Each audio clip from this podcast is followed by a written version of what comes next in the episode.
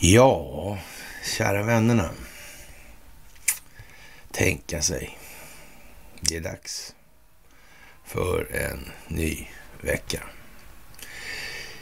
Inom ramen för jordens genom tiderna största folkbildningsprojekt. Ja, och det folkbildningsprojektet i sin tur bygger på en amerikansk stingoperation som är koordinerad i tid och rum med de intressenter som motverkar den djupa statens existens. Där står vi idag när den här nya veckan börjar med en måndag och på måndagar. Ja, då är det inte alla måndagar som är den eh, 26 i 9 2022 utan just det här och just den här måndagen så har vi originellt nog ett måndagsmys. Ja, det är ju så fantastiskt det här. Det är det verkligen. Och ni ska ha det största av tack som alltid. Ja, så ska ni ha. Och de senaste dygnen har ju varit väldigt, väldigt, väldigt turbulenta. Det verkar bli mer. Det växer. Ja. De flesta kan se att medierna sjunger sin svanesång. Deras trovärdighet är borta. Det är ingen som tar dem riktigt på allvar längre. Alla vet på något vis med sig att det här är rena löjan och ingenting annat. Ja, konstigt det där. Riktigt konstigt. Att ingen hade sagt något. Mm. Varför har de ljugit så mycket för under så lång tid? Vad beror det här på egentligen? Varför har man vilselett befolkningen på det här viset? Det är konstigt. Och det är ju många sådana här internationella institutioner mm, som är med i det här på något vis också. Mm. Konstigt faktiskt. Och det har varit folkomröstning, det är fortfarande folkomröstning i Luhansk och Donetsk då i Ukraina och ja, resultatet presenteras på fredag då. Man skriver från eh, västerländskt håll att det går åt helvete för Ryssland i alla möjliga avseenden. Det finns ingenting som går bra helt enkelt. Eh, alla är inte eniga längre om det där. Kina är inte eniga om det där. Turkiet är inte eniga om det där. Iran är inte eniga om det där. Italien tycks inte heller vara särskilt enig om det där. Eh, det verkar vara ett helt gäng med länder, kanske den större delen av jorden till och med, tycks vara eniga om att nej, det stämmer inte det här. Alltså det stämmer inte. I Sverige stämmer det givetvis. På något vis konstigt alltså. Mm. På något vis konstigt det där alltså. Mm. Mm. Man vet ju inte riktigt. Det kanske de menar väl alltså egentligen bara så. De har bara haft lite otur kanske vid något tillfälle. Jag vet inte. Sådär alltså.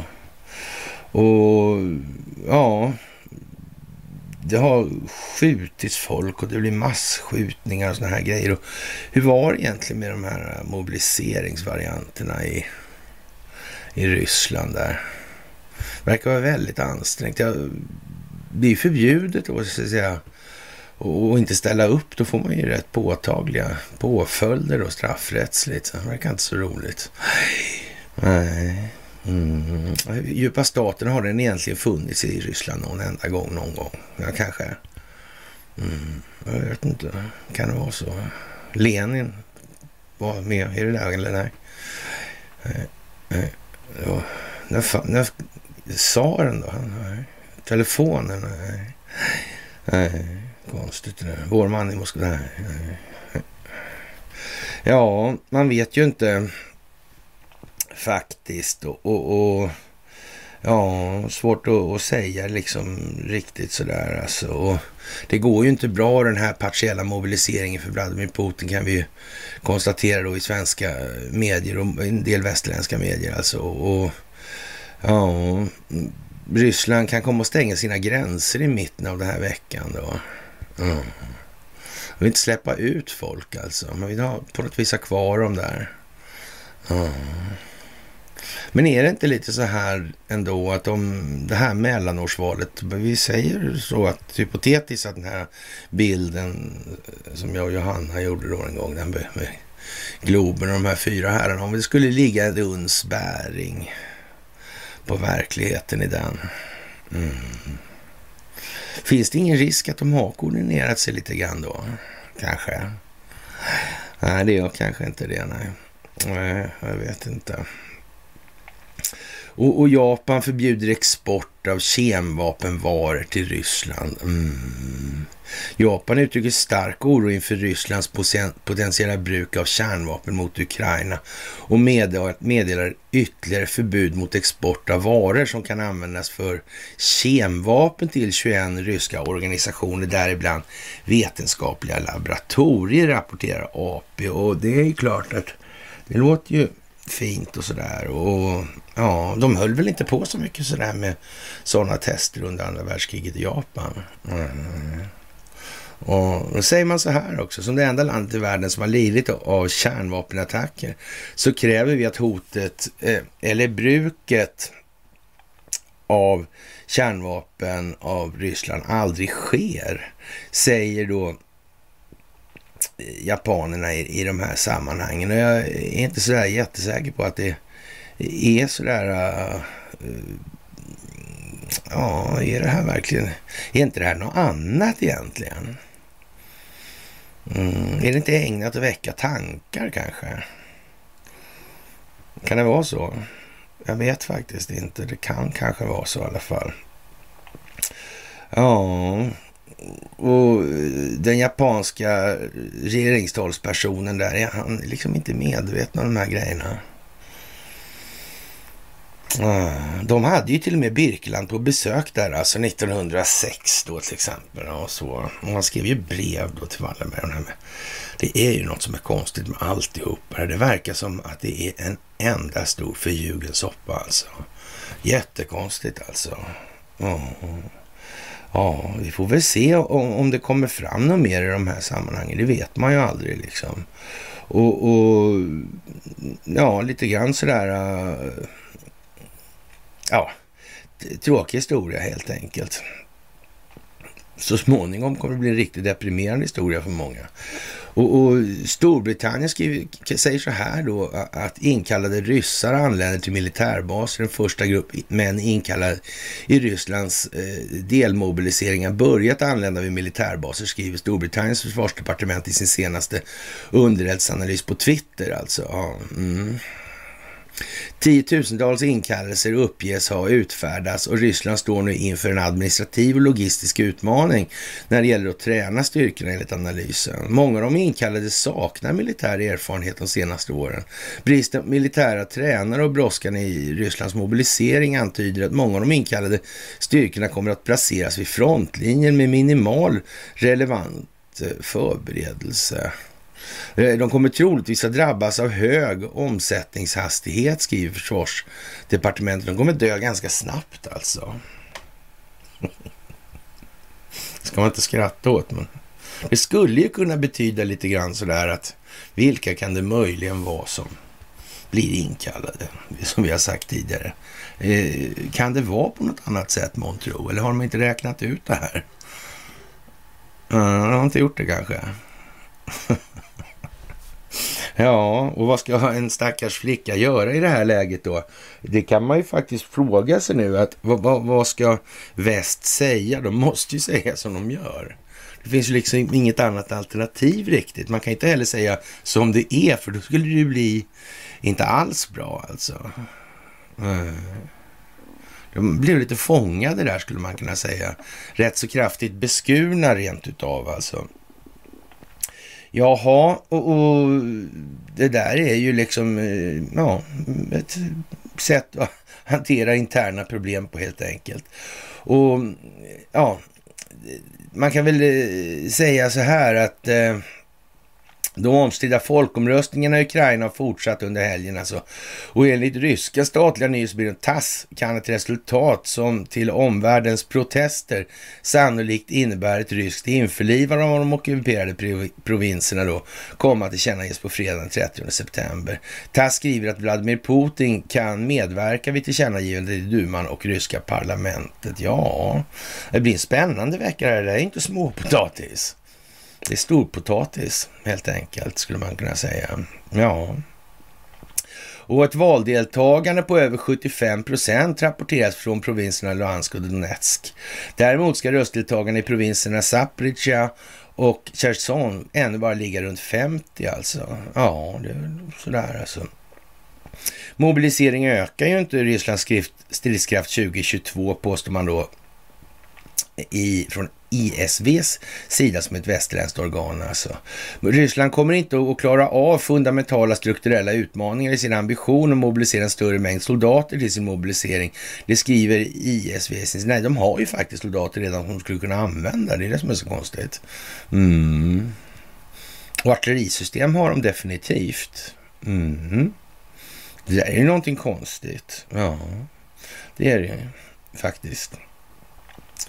Jaha, och eh, ja, eh, ISV tillägger att Ryssland måste fixa grundläggande personal och utrustningsbrister om mobiliseringen ens ska, ens ska ha något betyda, någon betydelse eh, något betydelse, men någon heter det ju, betydelse i ett längre, eller ur ett längre perspektiv, eller ett djupare perspektiv då. Och att den kommer till ett stort socialt och politiskt pris. Putins agerande så här långt tyder på att han är mer angelägen att, om att skynda på att få kroppar till slagfältet än att komma till rätta med fundamentala svagheter. Och ja, det där eh, är ju som det är och det beror ju på syftet såklart alltså. Och vem vet vad han har för syfte egentligen? Det vet han väl bara själv. Men det ser ju ut som han har tänkt sig något annat skulle man kunna säga. För det är nog ändå så att om de här gubbarna har koordinerat det här enligt den här bilden då till exempel, så vet nog Xi Jinping och Vladimir Putin ungefär vad som sker i USA gällande den här, eh, det här stingoperationsbaserade folkbildningsprojektet. Det kan vara så i alla fall. Det ska nog inte fan uteslutas helt och hållet just nu. Det tror inte jag. Och, och ja, Eh, enligt ISVs Twitterkonto har de ukrainska styrkorna de senaste dygnen varit framgångsrika och sannolikt tagit tillbaka, eh, ja sådär alltså, sannolikt alltså har de tagit tillbaka mark både runt Charkiv och Donetsk-området. Eh, Malivka i Charkiv nämns som återtaget, vilket även gäller byn eh, Svetjenko i Donetsk då. Ja, jag vet inte, hur är det där? Det är klart att det, det kanske är så vet ju inte, får vi se alltså. Och USA, det blir katastrofala konsekvenser för Ryssland, säger då Jake Sullivan i en intervju på NBC. Alltså, det vore katastrofalt för Ryssland att använda kärnvapen i Ukraina. Mm. Ja. Men ska man säga sådär, det var lite som Carl Bildt sa va? Det här med våta drömmar och falska flaggor. Det sa ju inte han i och för sig, men vi sa det. Om det han sa. Mm. Kan det vara så jävligt alltså? Ja, det vet man ju inte. Det vet man ju inte faktiskt. Nej. Och eh, Jake Sullivan vill inte svara på vad exakt menar med katastrofala konsekvenser, men han betonar att Ryssland är väl medvetna om vad det innebär. Det här kommunicerats direkt till ryssarna via officiella privata kanaler på högsta nivå. Vänta nu, vad är det för jävla eh, officiella privata kanaler? Okej. Okay. Jake Sullivan betonar att det är viktigt att dialogen sker i bakgrunden då USA inte vill hamna i retorisk skottväxling, skottväxling med Ryssland. Nej, nej, det är klart, det är klart, det är klart. Så kan det ju vara alltså. Mm, vad kan det bero på då, tro? Hur kan det här komma sig egentligen? Mm. Vem är det som bestämmer i USA egentligen? Mm. Den frågan reser sig till och med på så att säga, lite lägre nivå nu här i Sverige bland människor som normalt sett är milt uttryckt lite fascinerade av att tillhöra systemet. Inte så där överkritiska direkt alltså. Nej, nej. Ja, det vore trevligt då, om mm, just den jag tänker på faktiskt tog anammar det här spåret han är inne på nu lite mer. Alltså, det kommer med tiden att visa sig vara eh, ett klokt val helt enkelt. Mm. En gammal arbetskollega faktiskt för länge, länge, länge sedan.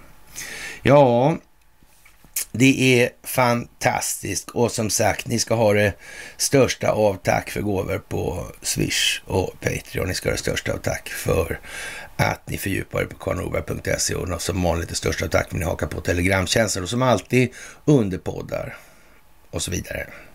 Det är bara att stå på som vi gör. Och ja, det kan ju tyckas dra ut på tiden, men som sagt, det är en rejäl skuta att vända.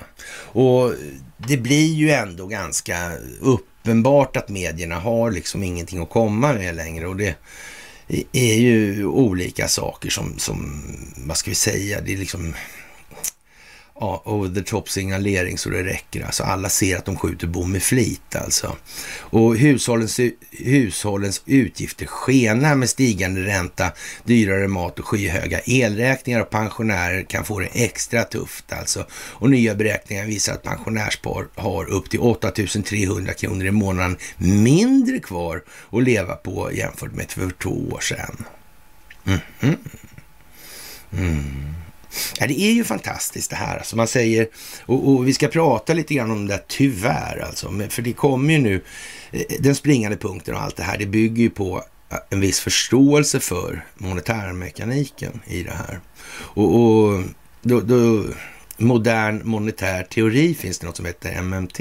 Och, och, och det är ju liksom kalanka skalanka. Det, det, är inte rätt någonstans. Alltså vi ska raljera kring det där lite grann då. Och eh, det här handlar ju om att systemet är skuldmättat alltså. Och inte om någonting annat. Det, det är så det är. Och, och, jag vet inte egentligen, det här är inte särskilt svårt. Om man säger så här, dollarn, om man tar amerikanska medier, ska vara lite sådär, ja, ja syrlig tonen då kan jag säga.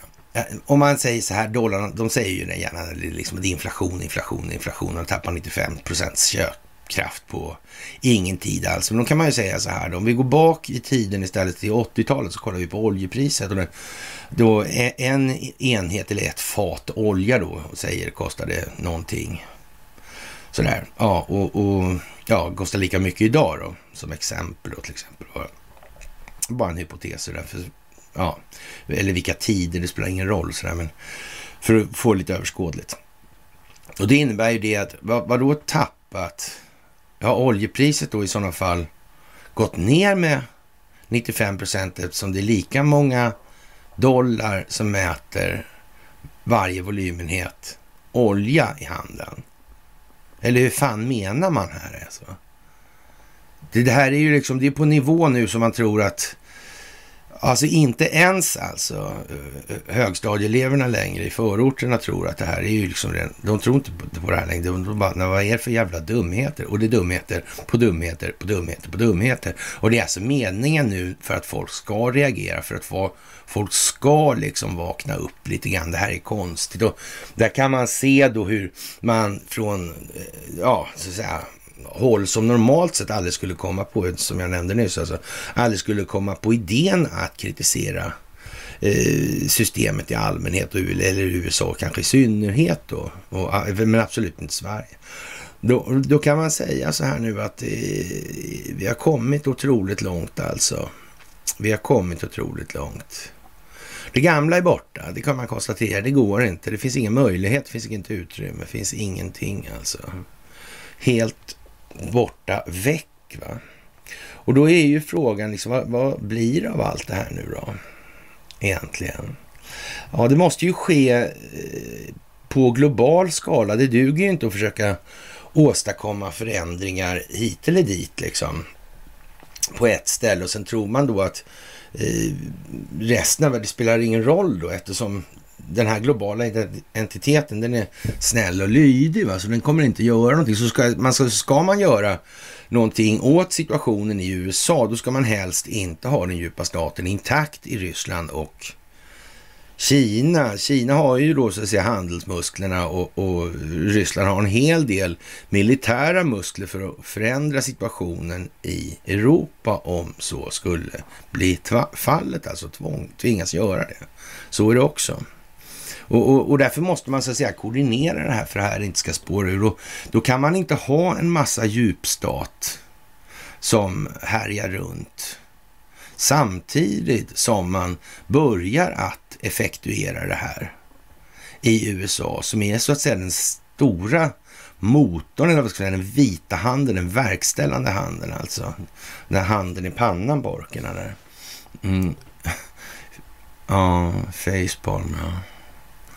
Ja, det där är ju lite sådär. Så man måste hålla det där i takt, alltså. Det måste taktas.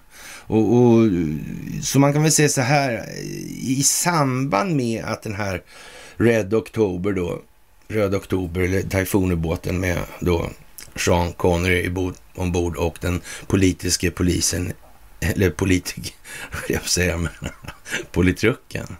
Ah, Ivan Putin. Ja, ja, ja, ja, ja, ja, sådär ja, sådär ja. Mm.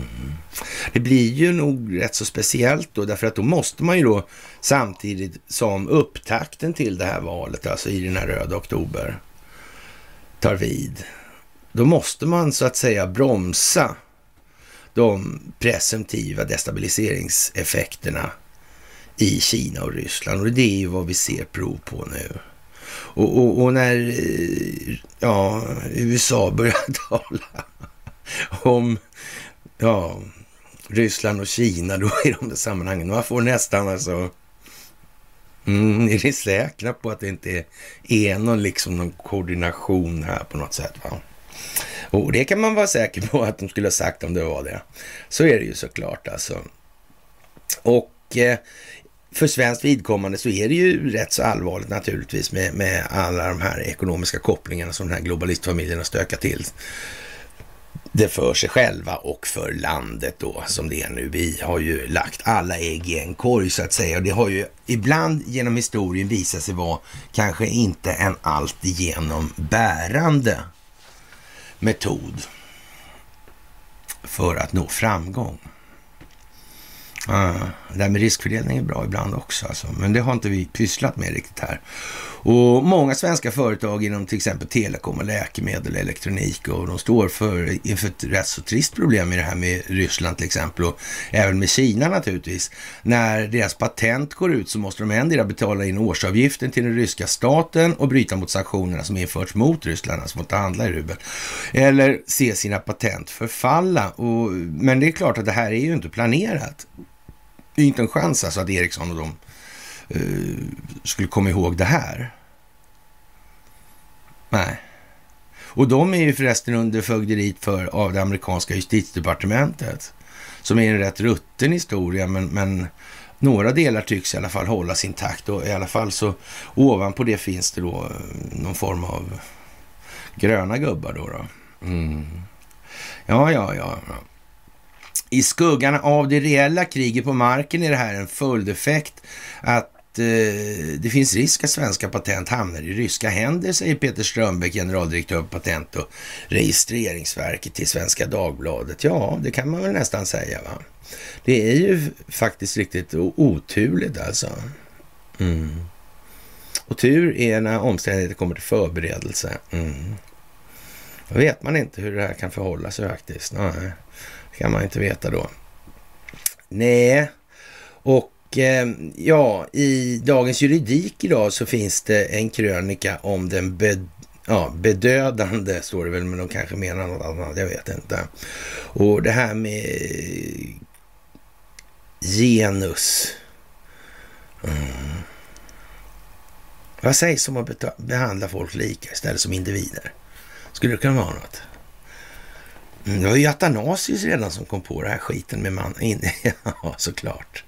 Ja, ja, det hade man kommit på tidigare också i och för sig. Men, mm, han gjorde mera... Han tog bort lite evangelier och sådana där grejer för att, att göra det där. Mm. Gick inte att kritisera. Det var heligt helt enkelt. Mycket heligt. Heliga trefaldigheten alltså. Mm. Ja, det gick ju inte att bevisa som sagt det andra, så då fick det bli så. Mm. Lite så omvänd bevisbörda helt enkelt.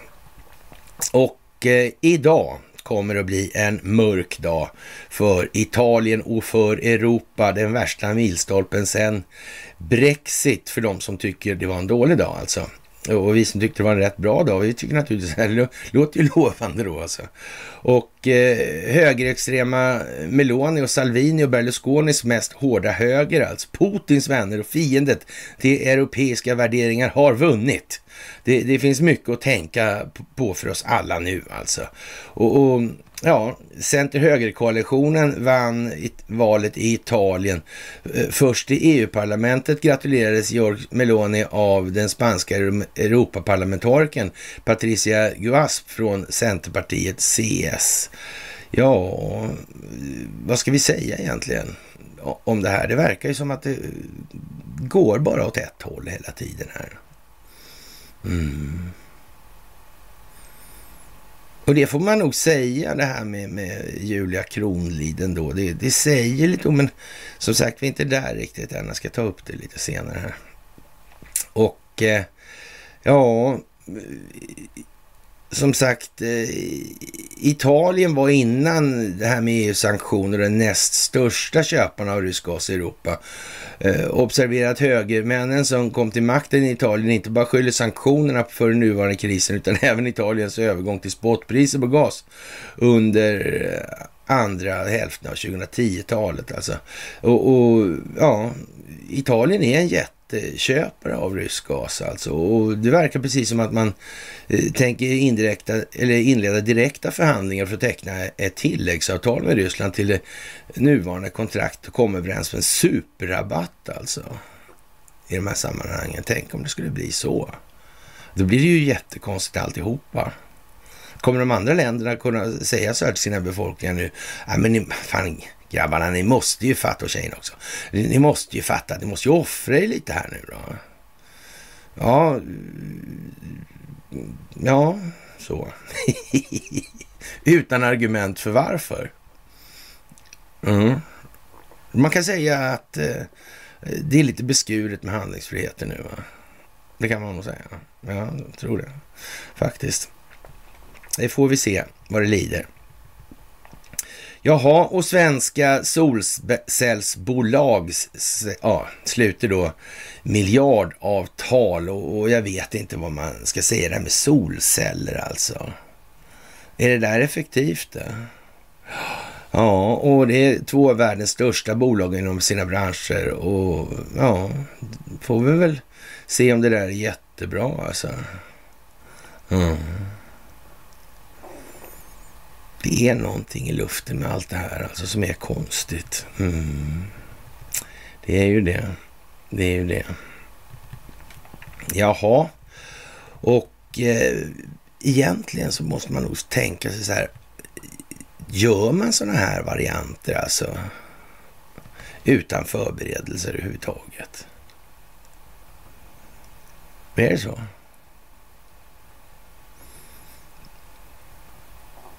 Jag menar om de har planerat det här för att uppnå det här i, ja, inte vet jag, men eh, hundra eh, år då.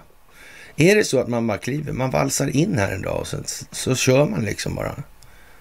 Man, man, eh, behöver liksom inte någon större planläggning eller någonting, utan det är bara liksom att köra. Mm. Sen vet ju inte vi riktigt då eh, vilka som spelar var. Va? Det kan vi ju säga på en gång, alltså när det gäller svenskar.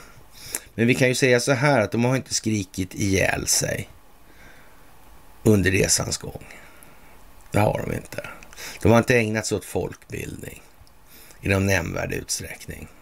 Nej, det har de ju inte gjort. Alltså. Det är bara så. Det verkar ju lite sådär speciellt alltså. Ändå alltså. Får man nästan tycka i alla fall. Jag tror, jag tror att många tycker att eh, ah, okej, okay, de kanske har planerat lite grann, men ja, så mycket kan det ju inte vara att röra sig om. Eller? Ja, jag vet inte. Vi har en fantastisk tid i vad som nu kommer. Vi har en situation i USA som nu under oktober kommer att bli mycket, mycket, mycket anmärkningsvärd. Det är alldeles jävla helsäkert alltså. Och i, ja, med ganska stor sannolikhet så kan vi nog konstatera att eh, många svenska käkar, underkäkar då, kommer att eh, bli hängande. Det helt enkelt är bara så. Alltså det här kommer inte att... Eh, man kommer inte kunna ta till sig det här helt enkelt. Och, och man säger ju det att kanske då storleksordningen då 6 till 7 6 till 7, alltså inte 67 utan 6 till 7 procent kommer inte att palla med det här. Och det är ju det vi brukar tjata om att vi behöver ju inte liksom eh, kämpa för att få mer lidande. Det behöver vi inte, utan vi, vi kan ju istället försöka se till att det här blir så smidigt som möjligt kanske. Det skulle väl kunna vara en fin grej kanske, tycker man ju. Men ja, som sagt, ni vet ju själva. Och är det inte dags att klassa då själviskhet och girighet som mentalsjukdomar i eh, de här eh, sammanhangen egentligen? För det är ju trots allt så att eh, uppbyggnaden som sådan kräver väl nästan då att man på något vis har samhällsbyggnad som målsättning. Det är väl så? Och då verkar det liksom lite tokigt att säga det och sen hålla sig med en annan målsättning. Det verkar lite dumt. Och, och det här handlar ju mycket om att människor ska klara av att se och identifiera när det så att säga blir på så vis. Det, det är en bra grej då alltså. Och sen kanske man inte behöver förstå allt det här med monetärmekanik och det här, även om det är eh, så helt vitalt egentligen. Men, men det kan ju vara lite abstrakt väl abstrakt för många att, ta till sig. Alltså. Det kan det ju vara. Men man måste försöka i alla fall. Man måste försöka till dess att alla kan det här. Hur lång tid det nu tar alltså. Men det tar lång tid, säkert. Och, för det går inte på något vis annorlunda. Det går bara att göra på det sättet. Det är bara genom att individen utvecklas som samhället kan utvecklas i det här. Mm. Och det går inte att byta system heller på det viset. Alltså eh, göra världens bästa system med samma skitiga eh, mentala disposition hos befolkningen. Då har de kört sönder det där systemet på fem minuter. Och så är vi tillbaka igen där vi var med nya människor som tror att det här är jättebra för alla. Eller låtsas i alla fall det. Ja, det är lite halvt deprimerande kan man ju tycka i olika sammanhang. Sådär. Och när Julia Kronlid är bäste man på plan hos Sverigedemokraterna så eh, ska jag inte säga eh, var elak sådär, alltså, men har inte gett något sådär eh, fantastiskt starkt intryck helt enkelt. Det är som ingen framträdande ledarpersonlighet på det viset alltså. Nej, nej. Men, men och hamna lite sådär, liksom, inte, nästan snudd på spefågel alltså. Liksom, ja, hamnar på de mest tänkbara och otänkbara tillställningarna och ja, situationerna. Det där verkar ju konstigt alltså. Det där kan ju inte vara ägnat att skapa förtroende hos någon. Det är ju helt omöjligt. Ja, hon har någon släkting där som är ett riktigt internettroll sådär. Och Mm, inte ens den här släktingen tycker att det är så jävla hundra i, i, i Julias fall alltså. Men eh, som sagt, om, rest, om det gäller alltså det här med att, att bli andre vice talman alltså. Mm. Det där är ju speciellt alltså. Men man kan ju tänka sig så här då att om det nu är en ja, ett stingoperationsbaserat folkbildningsprojekt, då kan man ju kanske tänka sig då att eh, ja, det måste spela så här för att det ska bli en optik alltså. Och, och då måste några spelare vara med och, och de måste vara stacklade och sen så vidare. Så kommer ju, så, e- och egentligen så säger ju inte det här valet någonting naturligtvis. Alltså med, med, med ångervecka, eh, noll i spårbarhet och, och så vidare i allt det här. Ja, valhemligheten är ju det som gäller alltså. Mm. Och, och de här dumheterna då. Ja, då är det ju som det är bara alltså. Ja, och, och abolitionsrätter och det är ju liksom lekstugan. Jättelöjligt är det ju. Mm. Det är ju liksom så.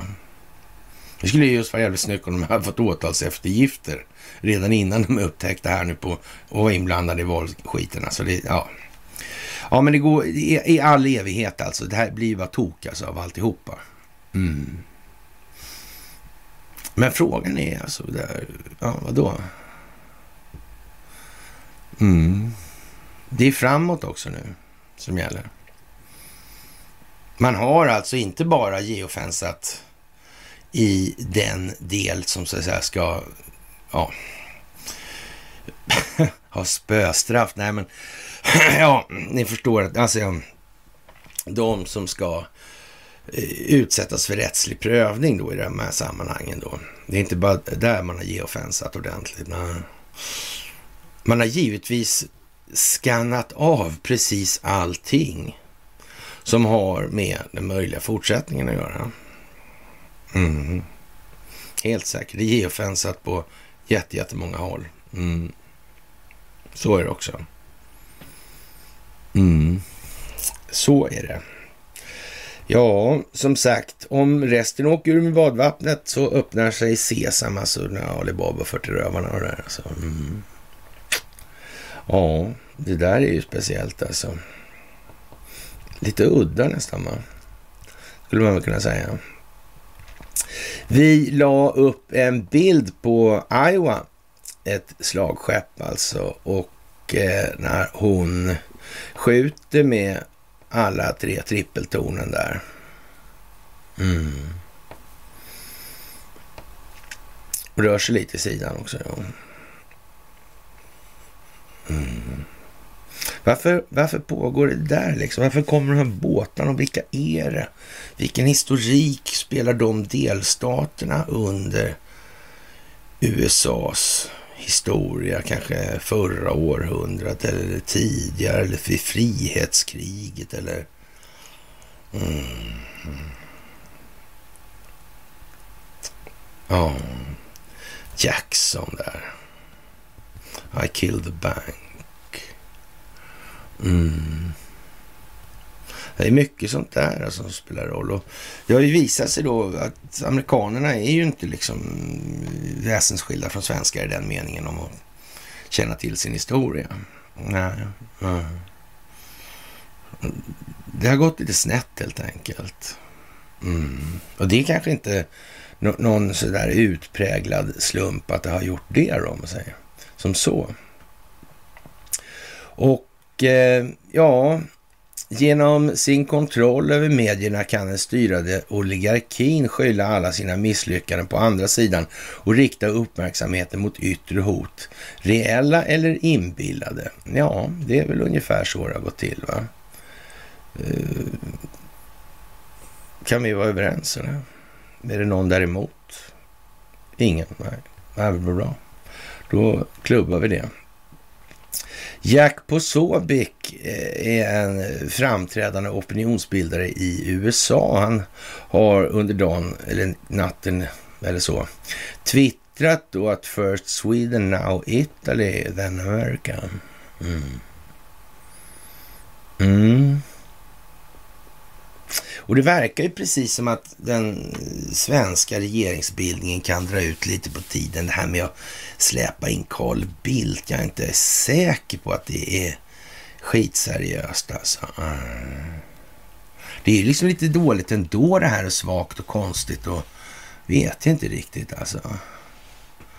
Och rösta blankt på Kronlid och det verkar bli väldigt, väldigt sådär uh, vingligt. Mm.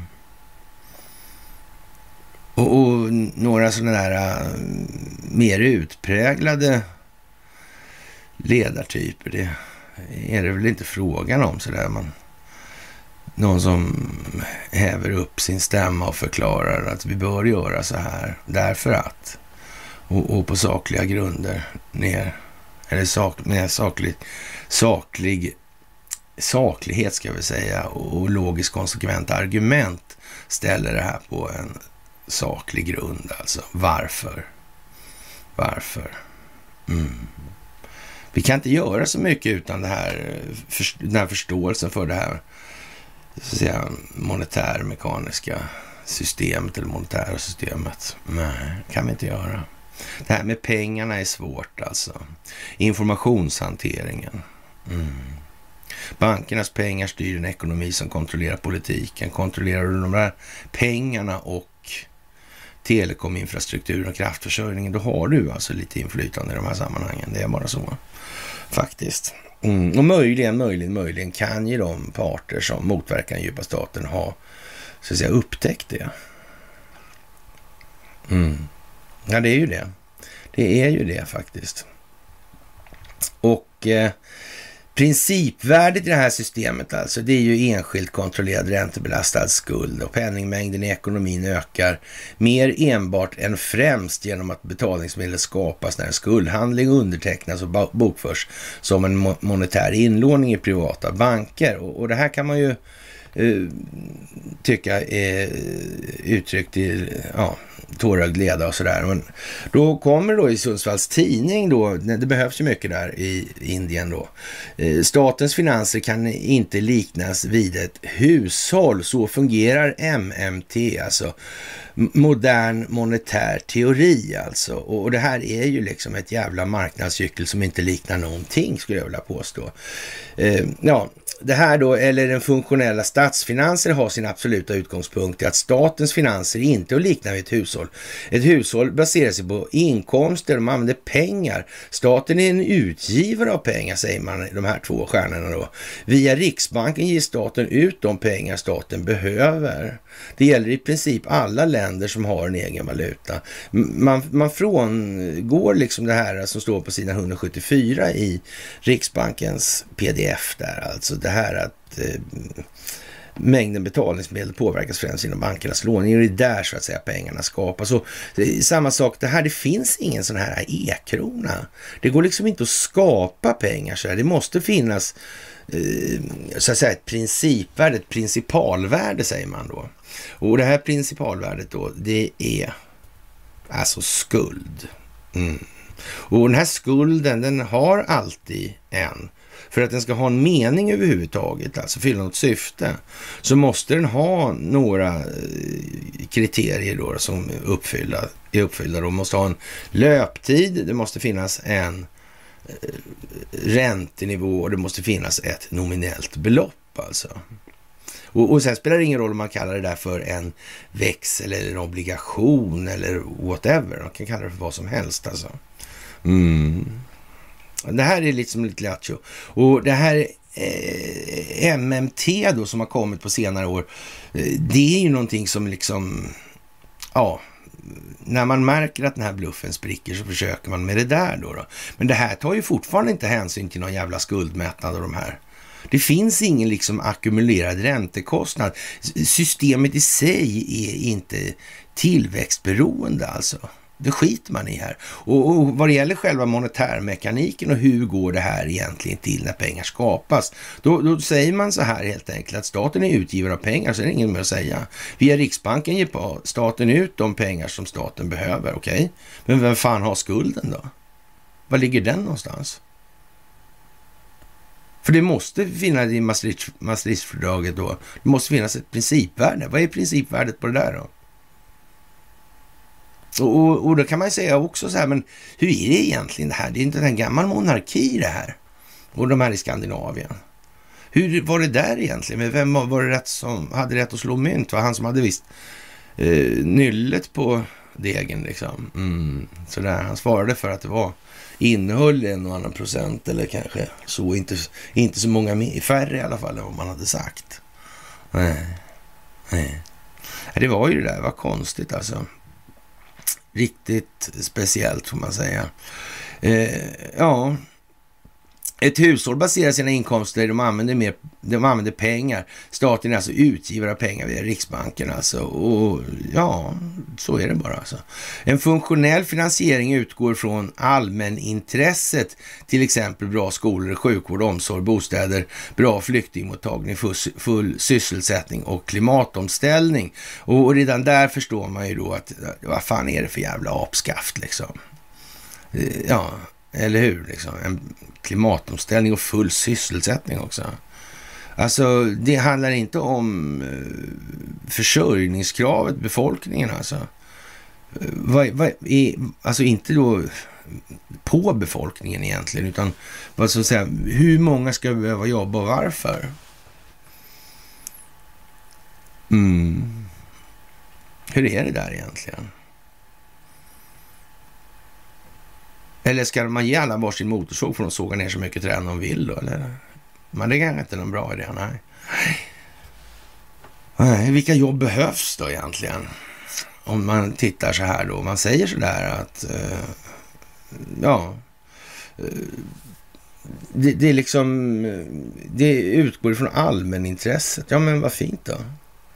Och, och det är det långvariga eller långsiktiga hållbara samhällsbygderna vi pratar om då. När vi pratar om allmänintresset. Och, och därför vet man redan där också att det här är ju liksom, eh, ja, det är geschäft. Det, vad är det? Det är som bedrövligt. Men, men då måste man kanske börja då och att tänka på Indien där. Då, då är det ju liksom inte... Ja, pengar skapas ju när man jobbar i de flesta människors sinne då. Va? Och, och, då är det väl bara att gå ut och jobba då och se var pengarna landar någonstans eller vad, vad som händer när man går ut och gräver en grop eller något sånt där. Gör något. Vad som helst. Det spelar ingen roll. Säg att du jobbar bara. Så. Tyck att du jobbar bara. Så skapas det ju pengar. Alltså, ja, det här är ju liksom som det är. Och eh, ja, eftersom staten har monopol på att ge ut pengar. Alltså hur ger man ut de här pengarna då? Alltså det kan man finansiera då genom någon jävla driftsbudget möjligtvis och betala ut löner och uh, sådär. Men, men uh,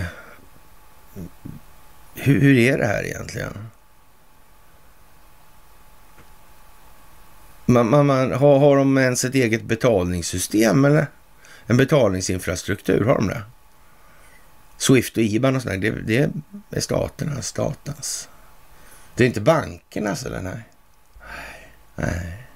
Man kanske skulle istället fråga sig alltså, då, hur kom det sig att det blev enskilt kontrollerat? Det verkar inte lite dumt alltså. Det är ungefär som med telefonerna. Det verkar jättekonstigt. Så alla diktatorerna på 1900-talet som missade när man skulle kontrollera den egna telekominfrastrukturen. Jättekonstigt ju. Ja, ändå bara blev det så. Jag vet inte. Det verkar vara liksom samma eh, ja, regi, alltså, eller regissör på eh, retoriken här helt enkelt. Och ja, eh, som man säger, eftersom staten har monopol då på att ge ut, satsar staten de pengar som behövs för hög måluppfyllnad. Ja, hög kvalitet i de här områdena. Målet är ju att verksamheten ska fungera bra, man snålar inte. Hög personaltäthet spridd över landet och så vidare. Ja, men man skulle ju kunna tänka sig det här då att eh, man kommer med en sån här jävla rappakalja då för att så att säga köpa sig tid under en övergångsperiod alltså. Kan, man kan ju tänka sig det. Men, men eh, å andra sidan så är ju inte tillförlitligheten då, den moraliska tillförlitligheten i de där leden, den är ju som sagt lite... Eh, den har inte full trovärdighet helt enkelt. Nej, nej det har den inte. Så, så det går liksom inte hem. Det, vi säljer oss inte dit helt enkelt. Nej, det går inte alltså. Det är, ja. Finansiering är alltså inget problem om staten får budgetunderskott så gör det ingenting. Alltså det enda hindret för att ge ut stora mängder pengar är risken för inflation. Alltså. Och, och, men som sagt, det här är ju lite, inte bara billigt och dumt, utan det är ju liksom nästan tragiskt att, att se, vilket kan inträffa om efterfråge efterfrågetrycket blir för stort. Alltså, aha. Det gäller alltså att marknaden, den reella ekonomin, hänger med. Det finns en dynamik där konkurrensen fungerar och de reella resurserna, främst människor, inte tar slut. Ska detta fungera behöver staten, politiken ha en vision. Utan en sån blir inga fler lärare eller sjuksköterskor. De efterfrågade studenterna behöver infinna sig av ett Eh, skäl som uppfattas som viktigt och intressant. Det, det är några av de här grejerna är ju liksom inte helt ute och cyklar, men det är ju så som ja, man tar sig ju dit utan grund i resonemanget helt enkelt. Nu är det inte så att eh, eh, det princip eller principala värdet för betalningsmedlet är någonting annat än skuld. Staten får inte heller skapa pengar utan det är därför den här e-krona-grejen då var på tapeten då. Mm. Men det där kommer ju aldrig att fungera med en valutamarknad. Det fattar vem som helst alltså. Att om staterna får göra pengar utan att ha skuld inblandad i det här. Ja, då skulle det bli cirkus ganska snabbt, det är helt säkert. Och jag tror att det, det, de här enskilda intressena bakom bankerna, jag tror inte de gick med riktigt på det där. Nej, och, och, vad skulle hända med alla de skulder som finns kvar då? Mm.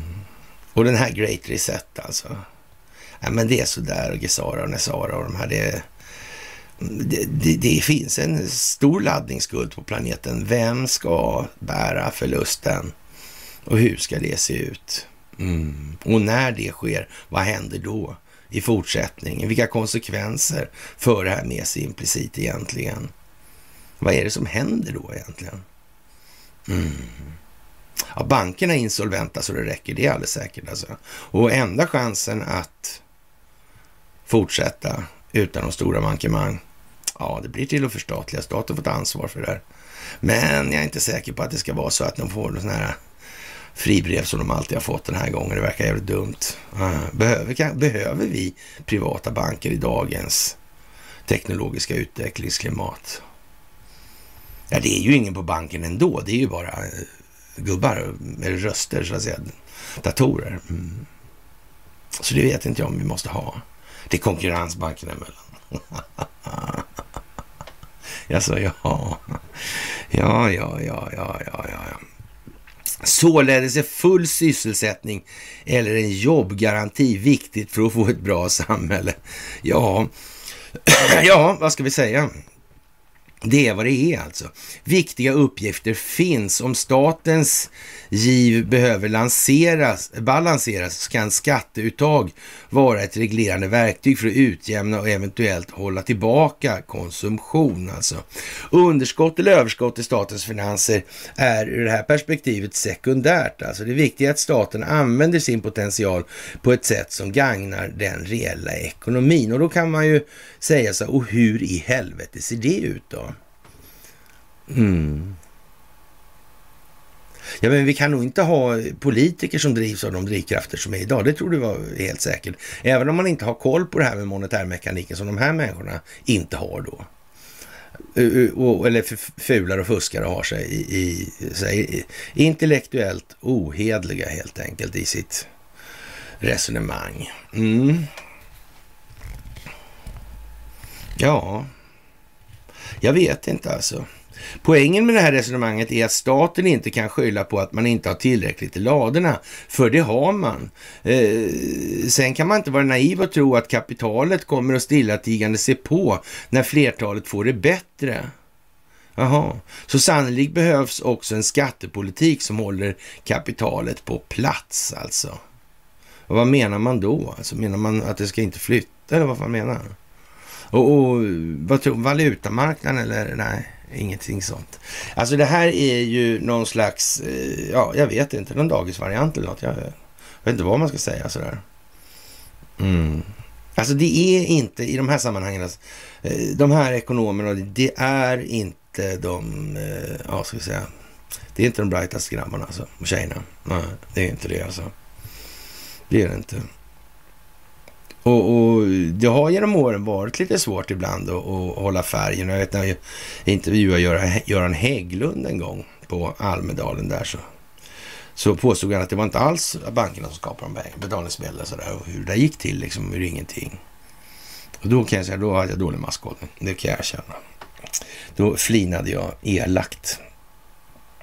Ja, det är som det är. Som sagt, det kan ju vara värt att notera nu att eh, Carl Bildt då fri företagare i framtid och fred alltså kan göra politisk comeback som utrikesminister i en ny moderatledd regering. Och, och från Sydkorea svarar 73-åringen inte blankt nej på den frågan. Och han har ju eh, en lång och framgångsrik karriär bakom sig då, inte minst när han har varit hos det här särskilt sändebud för ekonomi och demokratiutveckling i Ukraina sedan 2014 i snart tio år alltså. Och det har ju faktiskt gått exemplariskt med utvecklingen för Ukrainas vidkommande. Det är ju en veritabel succé alltså. Det är ju, oj, oj, oj, oj, oj, oj. Där kan vi snacka om kornukopi, alltså ymnighetsorden alltså.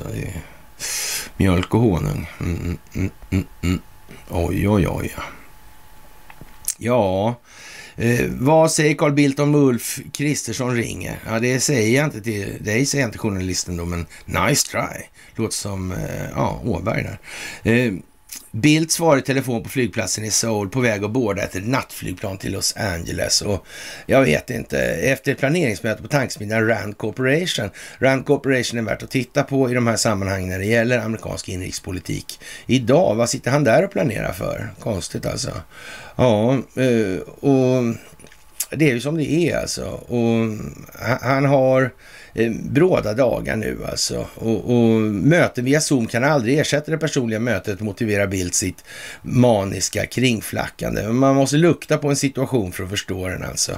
Och den utrikespolitiska agenda som Bildt själv formulerar, den för nästa regering, eh, ja, det skulle passa den gamla oljerockens profil alltså. Vi ska in i NATO, säger Bildt.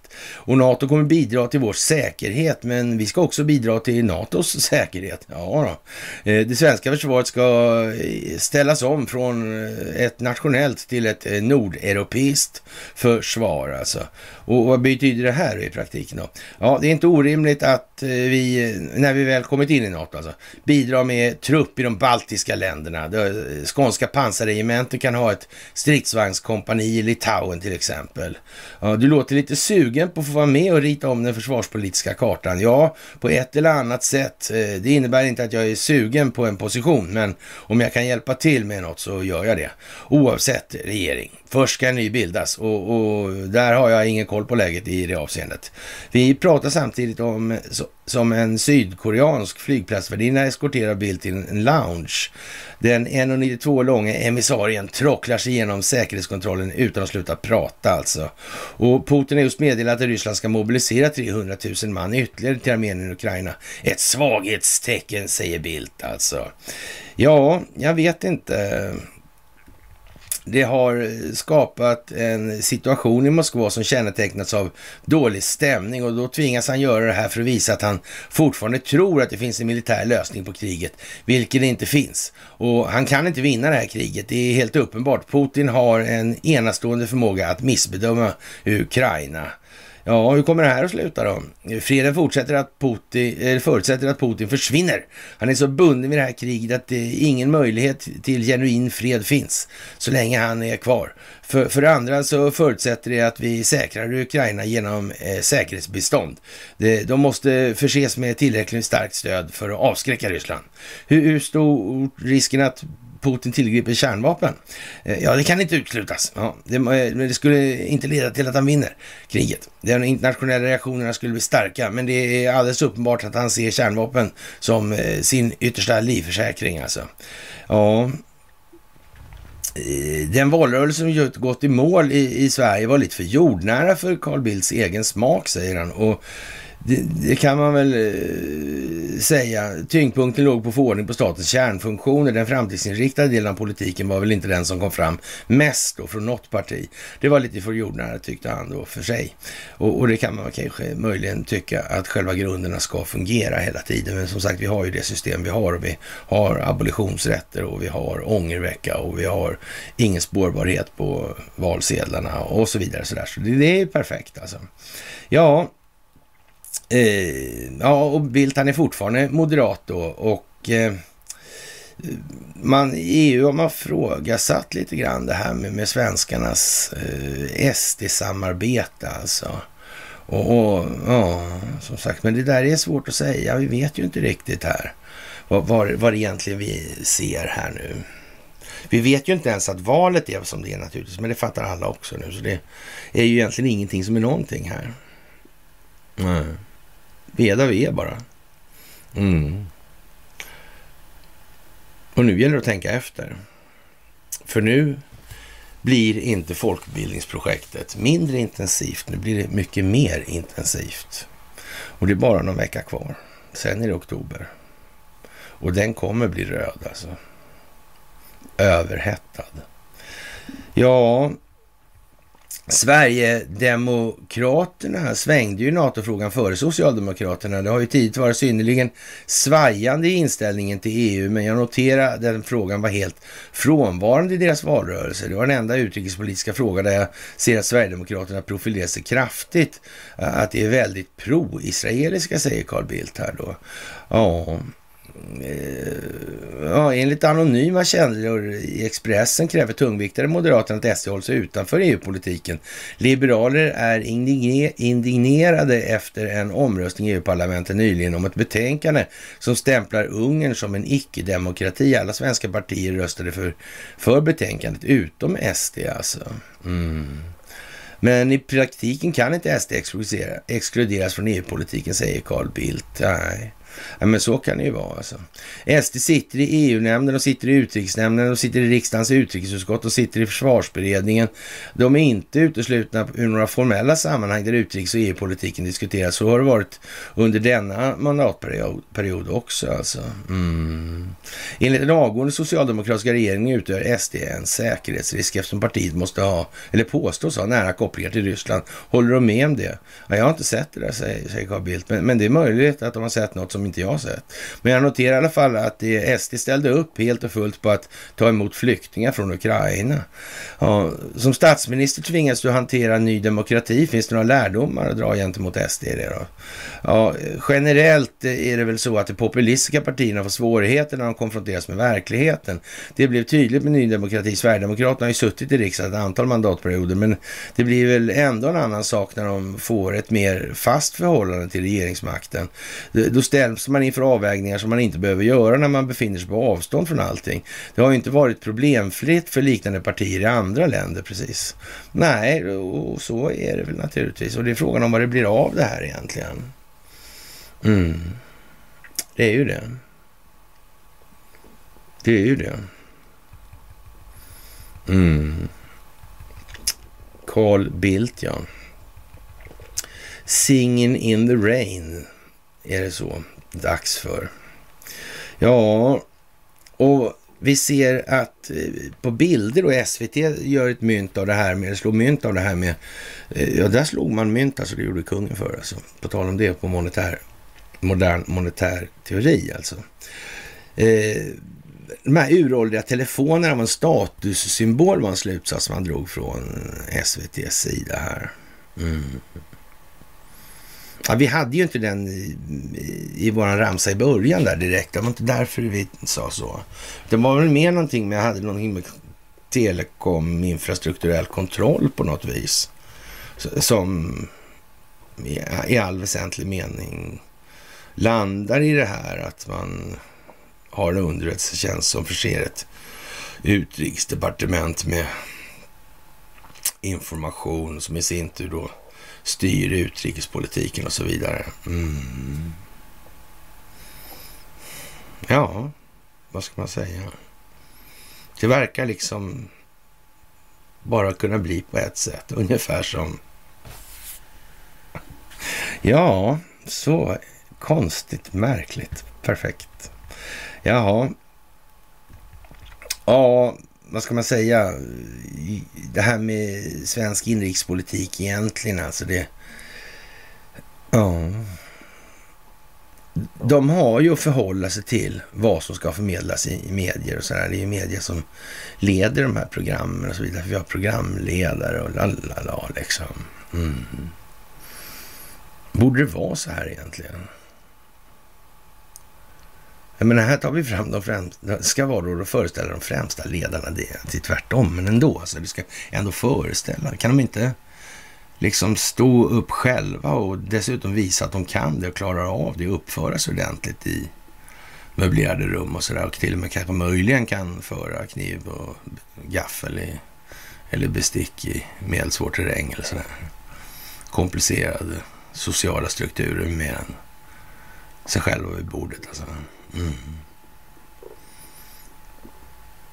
Ja. Alltså det. Det är på gången man känner lussen eller? Ja.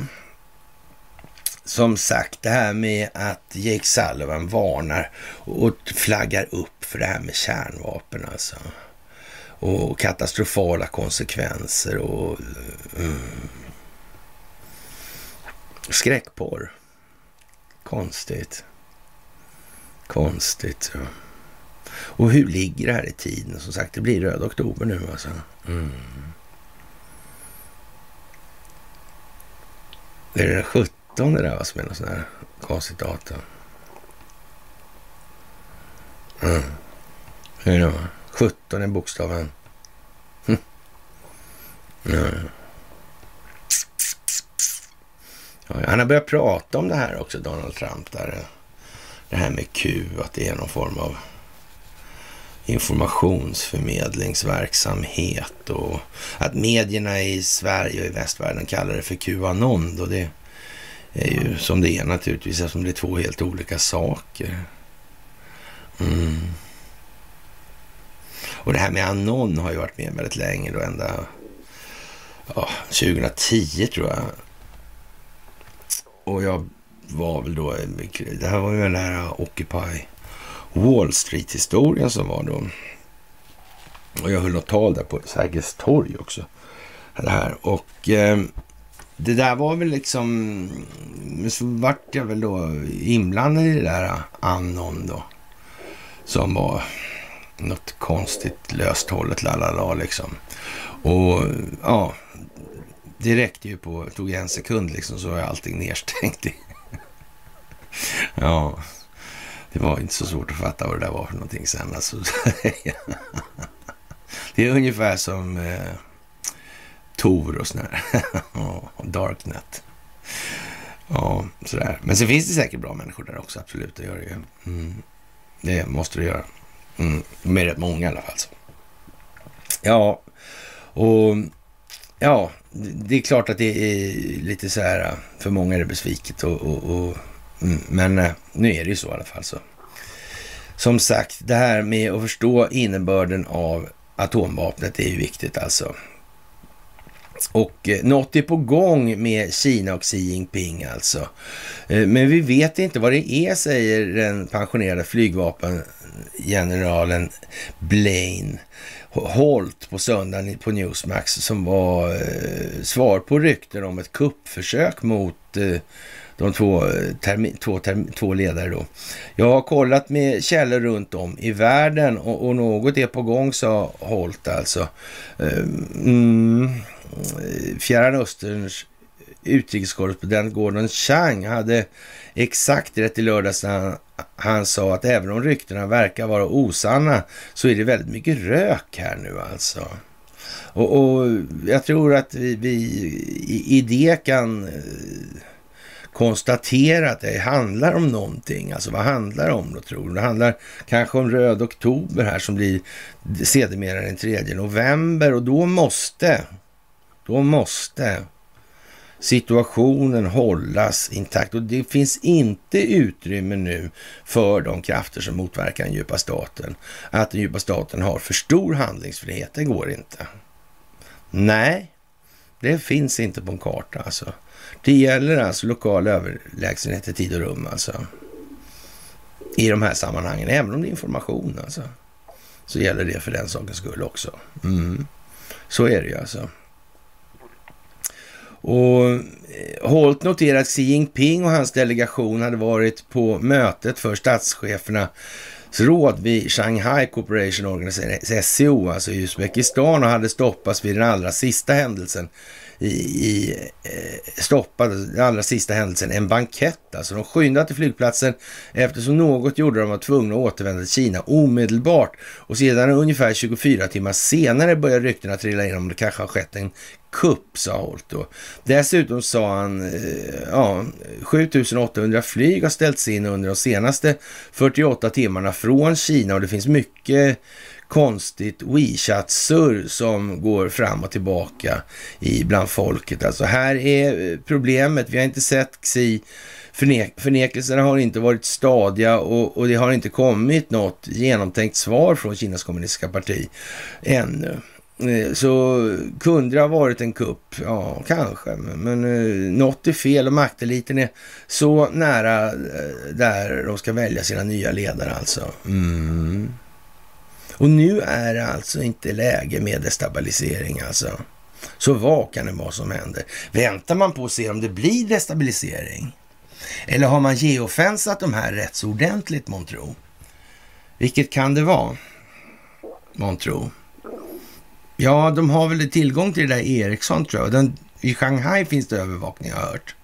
Vem sitter i den här borgmästarens råd där förresten? By the way, alltså. Ja, ja. Var de kända för att ha bakdörrar, de där lirarna, eller? Mm. Ja, ja, jag vet inte. Ja, det var något snack om det i alla fall någon gång, har jag för mig. Det, det, det är sådär alltså. Mm. Det, det, är lite udda kanske, eller inte så udda alls alltså.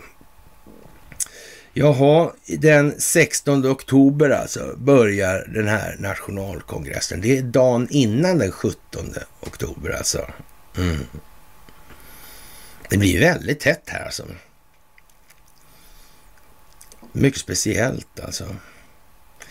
Ja, det är där Xi Jinping antingen får eller inte får sin tredje mandatperiod utan motstycke som generalsekreterare för partiet med andra ord. Alltså Kinas härskare, sa Chang. Och det betyder, tror jag, att vi eh, ser några seniora figurer, att de kan försöka ge Xi Jinping ett slag i magen innan dess alltså. Och lite så alltså. Men eh, det är väl så att har man inte vidtagit mått och steg, ja då sitter vi i problem alltså. Då sitter vi i stora problem, det är helt säkert. Mm.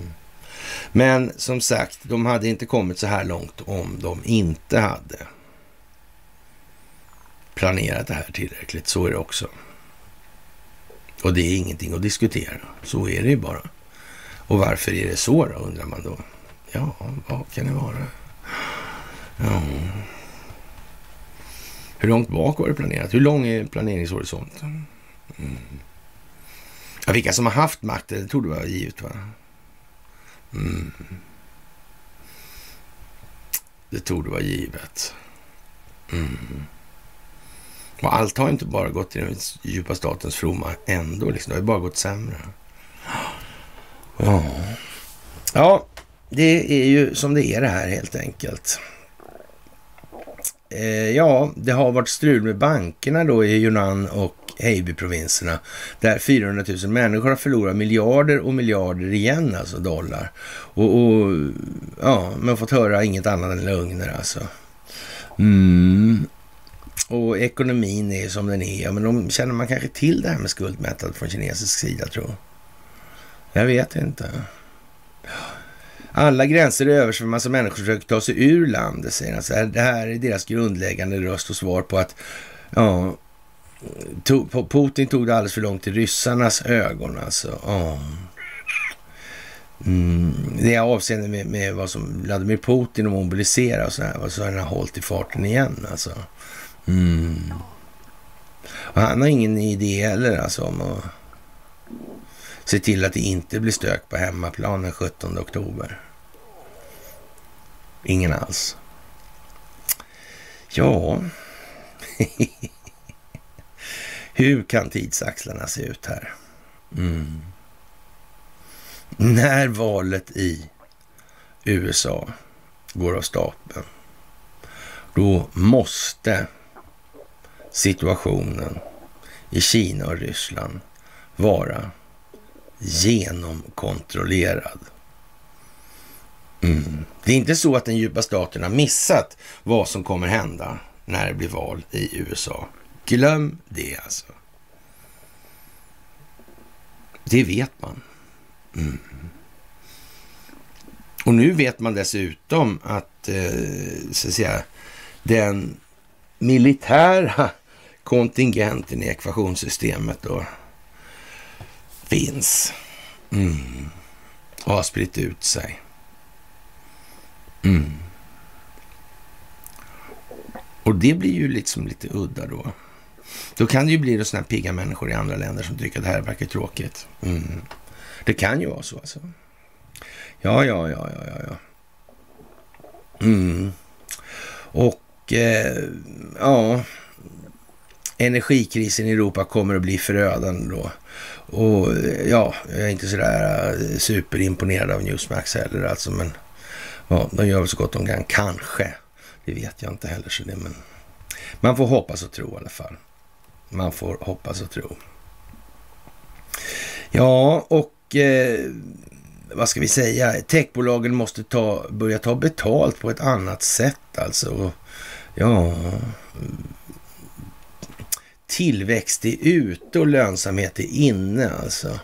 Och jag vet inte, techbolag alltså. Producerar de egentligen? De verkar ju vara ruskigt osams teoretiskt sett med, med de här MMT-gubbarna. Som, ja, jag vet inte. Jag vet inte hur duktiga de är på det här, men de ser inte ut så. De har inte den blicken riktigt det där med greppa det där med skuldmättnad, skuldmättnad och tillväxtkrav och det här. Mm, ändliga planeten och sådana prylar. Nej. Nej, det verkar knepigt hela vägen alltså. Riktigt knepigt. Ja, och eh, vad ska man säga? Livsmedelskrisen hotar Europa nu då, och migrationskriser blir det ju naturligtvis. Och, oj, oj, oj, det blir kris åt alla håll och kanter här nu. Det, det, det måste vi ju tänka på alltså. Ja, och som sagt den första kvinnliga ledaren då i Italien. Mm. Ja, det är lite udda kanske. Det är annat än på bunga-bunga-tiden. Ja, ja, ja, ja, ja. Ja, artificiell intelligens gör Sverige till en vinnare och det här med, ja, det här med artificiell intelligens. Det beror ju naturligtvis på vem som kontrollerar den. Och vad var, vad var det han sa, Vladimir Putin, den som kontrollerar den artificiella intelligensen kommer att styra världen. Ja, så är det ju. Mm. Och all den stund som artificiell intelligens har lärt, lärt sig lite eh, MMT. så kommer den i alla fall att fatta det här med altruism och egoism. Hur de här så att säga övervägandena måste styras då. då. Mm. Ja, vad ska vi säga? Fantastiskt alltså. Jaha, och eh, Ja, Biden kanske kan bli ställd inför riksrätt då efter det här valet i november alltså. Säger en amerikansk kongressledamot. Ja, vad, vad, vad konstigt. Jag vet inte om det är så mycket att hänga i julgranen. Det känns väl som att han går på, ja, det den mentala välmågan helt enkelt. Det känns som att det är 25 tillägget där som kommer att Ja. Mm, sådär så att, ja. Jag vet inte. Det är klart att det här med Kina och så är lite tråkigt, men eh, som sagt. Det går ju inte att ge sig på det heller för mycket. Utan att det är så att säga krattat och klart för det i Kina. Så det är liksom... Det är dubbla grejer hela tiden. Och ja, som sagt, det, är ju riktigt spännande. Nancy Pansy vet jag inte om det är så mycket spännande med egentligen. Det är ju mest tragiskt det där att hon, nu blir hon utbuad också, kärringen här. Och, ja, överhuvudtaget så är det ju liksom... Det är en tragisk historia, precis som den svenska riksdagen och regeringen. Det är ju liksom en beklaglig grej alltså, överlag, skulle man kunna säga. Faktiskt. Mm. Det är ju bara så. Och eh, ja, som sagt, eh, Saturnus ringar är näst störst i solsystemet. Ja, precis alltså. De största ringarna det är pedofilringarna mm, i Hollywood. Ja, så kan man ju säga. Och ja, men som sagt, det där är ju sånt som är klart underordnat i sammanhanget. Det där är verktyg och ingenting annat. Det här är ju också sådana grejer som är svenskt svårt att förstå att det ena bygger på något annat hela tiden. Utan man vill gärna tro liksom att det man själv eh, ja, uppfattar som mest viktigt med någon form av självklar automatik blir mest viktigt för alla andra då alltså. Och eh, Zelensky är nu i chock över Israels ovilja att skicka luftvärn eller avancerade vapen till, till Ukraina. Och möjligen kan man ju säga att man i Israel har någon form av uppfattning om den djupa staten. Och den uppfattningen kanske inte... Ja, varför ska man klä på sig det? Ja, omaket, nej. Nej, jag vet inte. Det, det, det börjar ju bli liksom nu är Zelensky liksom på gång att vara anti-Israel också. Mm. Ja, men visst alltså. Jaha, och eh, eh, vad ska man säga eh, egentligen alltså? Ja. Eh, oh. FN. Allvarligt talat alltså. Det är ju rätt lång tid alltså. Det måste finnas arkiv där. Mm. mm. Mm. Kanske någon har kommit på det. Man vet ju inte. Man vet ju inte faktiskt. Det är svårt att säga alltså. Sådär. Jaha, och eh, Pink Floyd eller Roger Waters då, eh, ja. Han står på i sin ända helt enkelt och ja, vad ska vi säga? Han gör ju det som han ska göra helt enkelt och hela den där svängen är ju vad den är och kommer att bli vad den ska bli också i det här faktiskt. Och vi kommer väl då eh, få se en ekonomisk utveckling som vi aldrig någonsin kunde drömma om. Och det är även så småningom kommer vi få det till det bättre, fast nu i början kommer vi få det till det sämre. Fast frågan är hur mycket. Det, det behöver inte bli så mycket sämre i verkligheten. Det är ju mera i huvudet på folk det blir mycket, mycket värre. Så, så ja, vad ska vi säga? Det, det är, nu är det dags helt enkelt. Ja, och eh, många eh, FBI-agenter tycker det här är för jävligt nu alltså. Mm. Men hur fan ska man hantera det i de här sammanhanget när det är så, liksom det handlar om det som det handlar om nu? Att de här används då för att gynna enskilda vinstmaximeringsintressen i ja, på oräkneliga sätt helt enkelt. Och jag vet inte, det är ju rätt så trist alltså att konstatera det här. Svenskar är inte så där uh, moraliskt disponerade till fulländning om vi säger som så. Då. Nej, det är de inte. Och det, det kan man ju säga. Ja, och eh, amerikanska militären använder då verktyg som man får med sig då 93 procent av hela internet då, i det här. Mm. Och vilka är det som ligger bakom det här? Då? Det är de som sköter transmissionen, alltså flödena. Mm. Vilka är det då, tror jag? Jag har ingen aning faktiskt. Ingen aning alltså. Mm. Jaha, och eh, e EU-kommissionens president hotade alltså Italien där om det skulle gå fel. Och nu gick det fel och nu får väl Ursula då... Ja, nu gäller det att... Nu är det synat. Mm, nu får vi se. Nu får vi se. Och eh, ja, vem vet vad det kan leda till för EUs del. Mm, faktiskt. Ja, Jaha, och eh, vad ska jag säga? Eh, Sverige har världens mest religiösa befolkning. Guden heter staten och lärjungarna heter myndigheter. Det skulle jag inte vilja påstå. Guden heter mammon. Och om mm, den heter något sådär. Och, och, och ja, lärjungarna heter egennytta. Mm. Så tror jag det är faktiskt. Mm. Ja, ja, ja, ja, ja.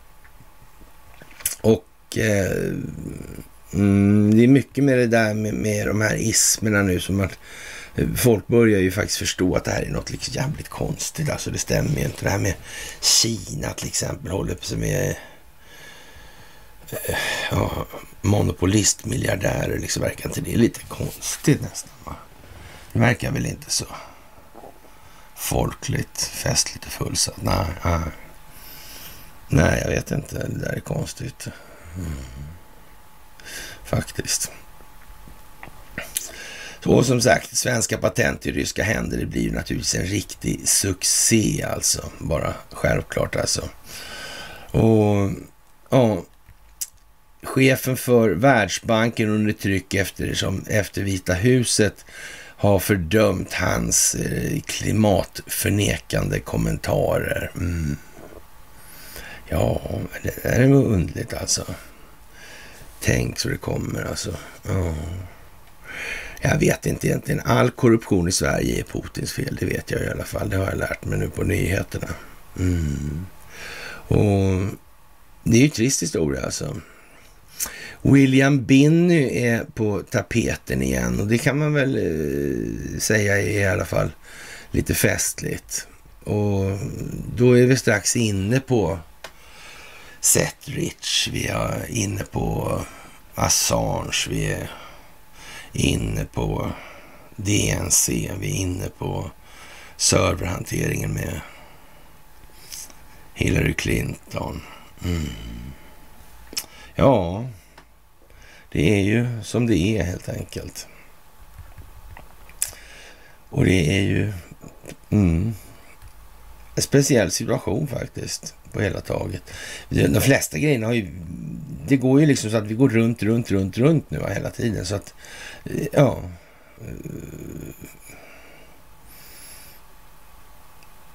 Det kommer att visa sig vad vi är för några här i Sverige helt enkelt. Och det är ju inte kanske till befolkningens stora munterhet då skulle jag vilja säga. Faktiskt.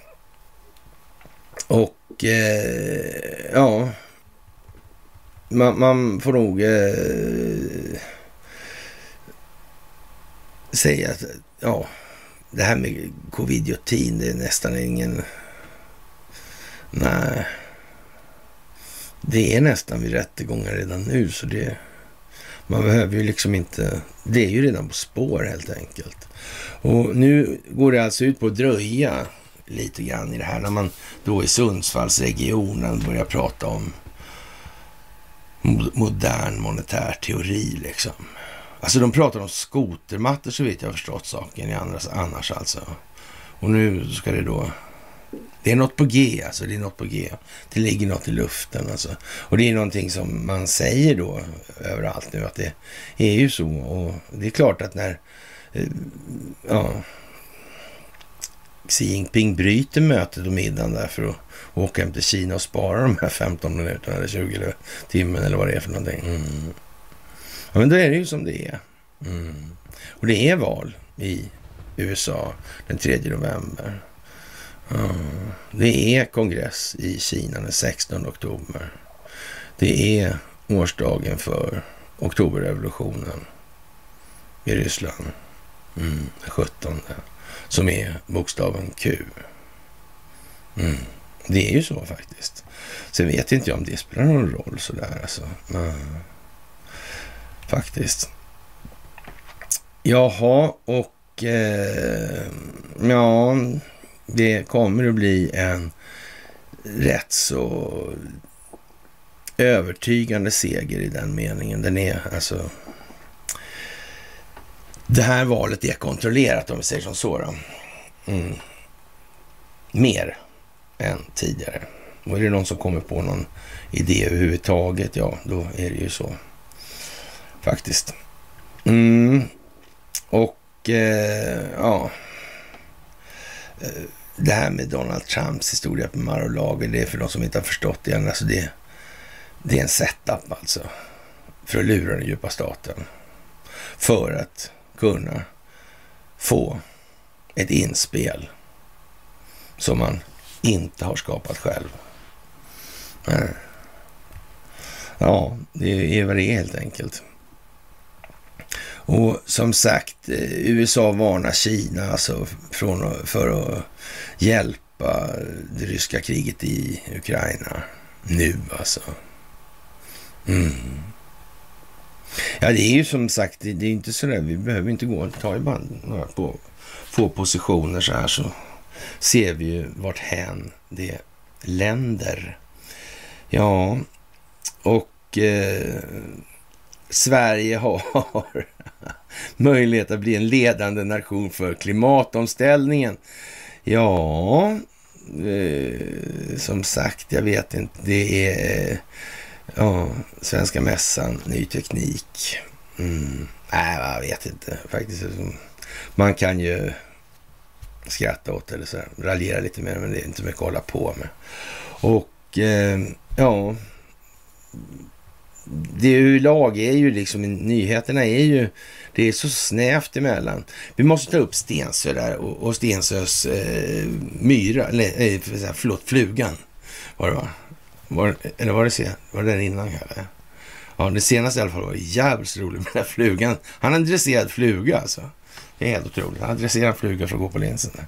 Ja, sådär. Det var helt klockrent faktiskt. Jaha, och att väcka befolkningen är som att ta den religiösa övertygelsen ifrån en djupt troende. Ja, vad ska man säga? Det kanske man kan säga. Jag vet inte faktiskt. Faktiskt. Och ja, man får, man får väl ta det för vad det är lite grann helt enkelt. Sådär nu. Eh, ja, som sagt, eh, terroristvaggan och ja, och dokusåpor och så vidare. Och jag, jag, tror i mitt stilla sinne att eh, vi tog ju upp det här med eh, att det rörde sig massa militärer i Kina mm, förra gången. Mm. Det gjorde ju det. Vi vet ju inte. Nej. Men som sagt, det vi vet det är ju det att det blir oktober. Det vi vet det är att det blir november. Det vi vet är att det är val i USA den 3 november. Det vi vet att när det valet är avklarat, då måste man redan för en bra stund tidigare har sett till att det inte finns handlingsfrihet och manöverutrymme för den djupa staten i varken Kina, Ryssland eller Turkiet för övrigt. Mm. Man skulle nog hålla lite öppet också för att MBS kan nog tänkas behöva skruva åt lite där på Bandar bin Sultan och det där gänget. Va? Mm. Det kan vara så. Det kan ju vara så.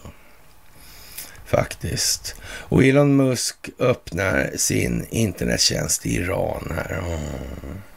Så det kanske är så lite grann. Mm, ja, det har ju varit stökigt i Iran där också nu. Mm. Finns det djupa staten i Iran? Är det bara Ericsson som finns det, inte djupa staten? Hej och hå liksom. Ja, ni kan det där med ayatollorna och man lyfter på skägget där. Så står det till exempel Made in, land, made in London. Ja, sådär. Ja, det är väl ungefär så som det ser ut. Och eh, vi har väl kommit igång med den här veckan nu och nu vet vi inte vi vad som ja, händer från dag till annan. Så, men vi har förberett oss faktiskt och eh, vi har till och med förberett oss så långt att vi kan köra lite på distans tillsammans, jag och Conny till exempel. Sådär. Och nu är han ute och reser och ska upp till Karlstad just idag. Men eh, ja, det kan vi säkert åstadkomma även under de förutsättningarna. Men eh, nu fick jag köra själv i alla fall. Och med det, kära vänner, så vill jag väl önska er en trevlig måndagkväll och sen är det piglördagsdags igen och sen är det fredag. Och som sagt, det här går ju rätt så snabbt nu alltså. Och, och ja, det gäller att inte hamna för mycket med fel fokus. Det är ju så. Det gäller att behålla överblicken.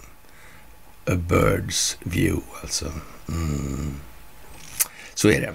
Men kära vänner, ni ska ha ett stort tack och ni är världens bästa internetpublik. Och tack för allt ni gör i det här lilla folkbildningsprojektet baserat på en amerikansk stingoperation.